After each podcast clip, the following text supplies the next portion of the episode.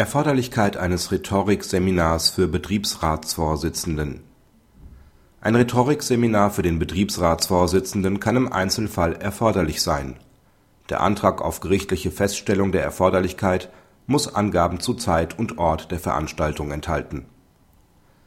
Im Betrieb der Arbeitgeberin sind 900 Arbeitnehmer beschäftigt. Der Betriebsrat beschließt mehrmals, den Vorsitzenden zu einem Rhetorikseminar zu entsenden Veranstalter ist jeweils die Akademie für Arbeits und Sozialrecht.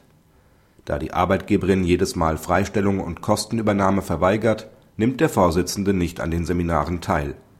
Betriebsrat und Vorsitzender beantragen Feststellung, dass die Teilnahme an einer einwöchigen Rhetorikschulung der Akademie für Arbeits und Sozialrecht erforderlich ist. Die Vorinstanzen geben dem Antrag statt. Das BAG weist ihn als unzulässig zurück, weil dieser nicht hinreichend bestimmt ist dem Antrag fehlen Angaben zu Ort und Zeit der Schulungsveranstaltung. Diese Angaben sind unentbehrlich, damit überhaupt klar wird, zu welcher Veranstaltung der Betriebsrat den Vorsitzenden entsenden darf. Das Gericht benötigt diese Angaben, weil es ohne sie nicht beurteilen kann, ob der Betriebsrat die Rhetorikschulung nach § 37 Absatz 6 Betriebsverfassungsgesetz für erforderlich halten darf. Der Betriebsrat muss vor der Entsendung eines Mitglieds die Erforderlichkeit der Schulung eigenständig prüfen Dabei hat er bei der Festlegung der zeitlichen Lage die betrieblichen Notwendigkeiten zu berücksichtigen. Fehlt es an der Zeitangabe, liegt keine gerichtlich überprüfbare Erforderlichkeitsprüfung vor.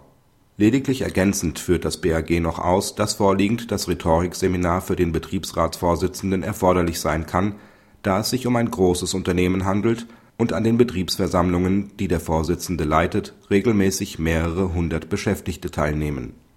Praxishinweis Schulungsveranstaltungen sind immer wieder Gegenstand betrieblicher Auseinandersetzungen. Der Betriebsrat kann vor Gericht jedoch nur die Erforderlichkeit einer nach Ort und Zeit bestimmten Schulung feststellen lassen. Er kann nicht präventiv prüfen lassen, ob ganz allgemein die Schulung zu einem bestimmten Themenkreis erforderlich ist. Ein solcher Vorratsantrag ist unzulässig.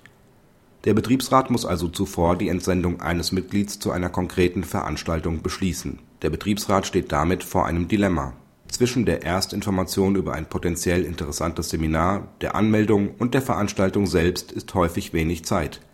In der Praxis ist es fast unmöglich, vor Beginn des Seminars eine rechtskräftige Entscheidung über dessen Erforderlichkeit abzuwarten.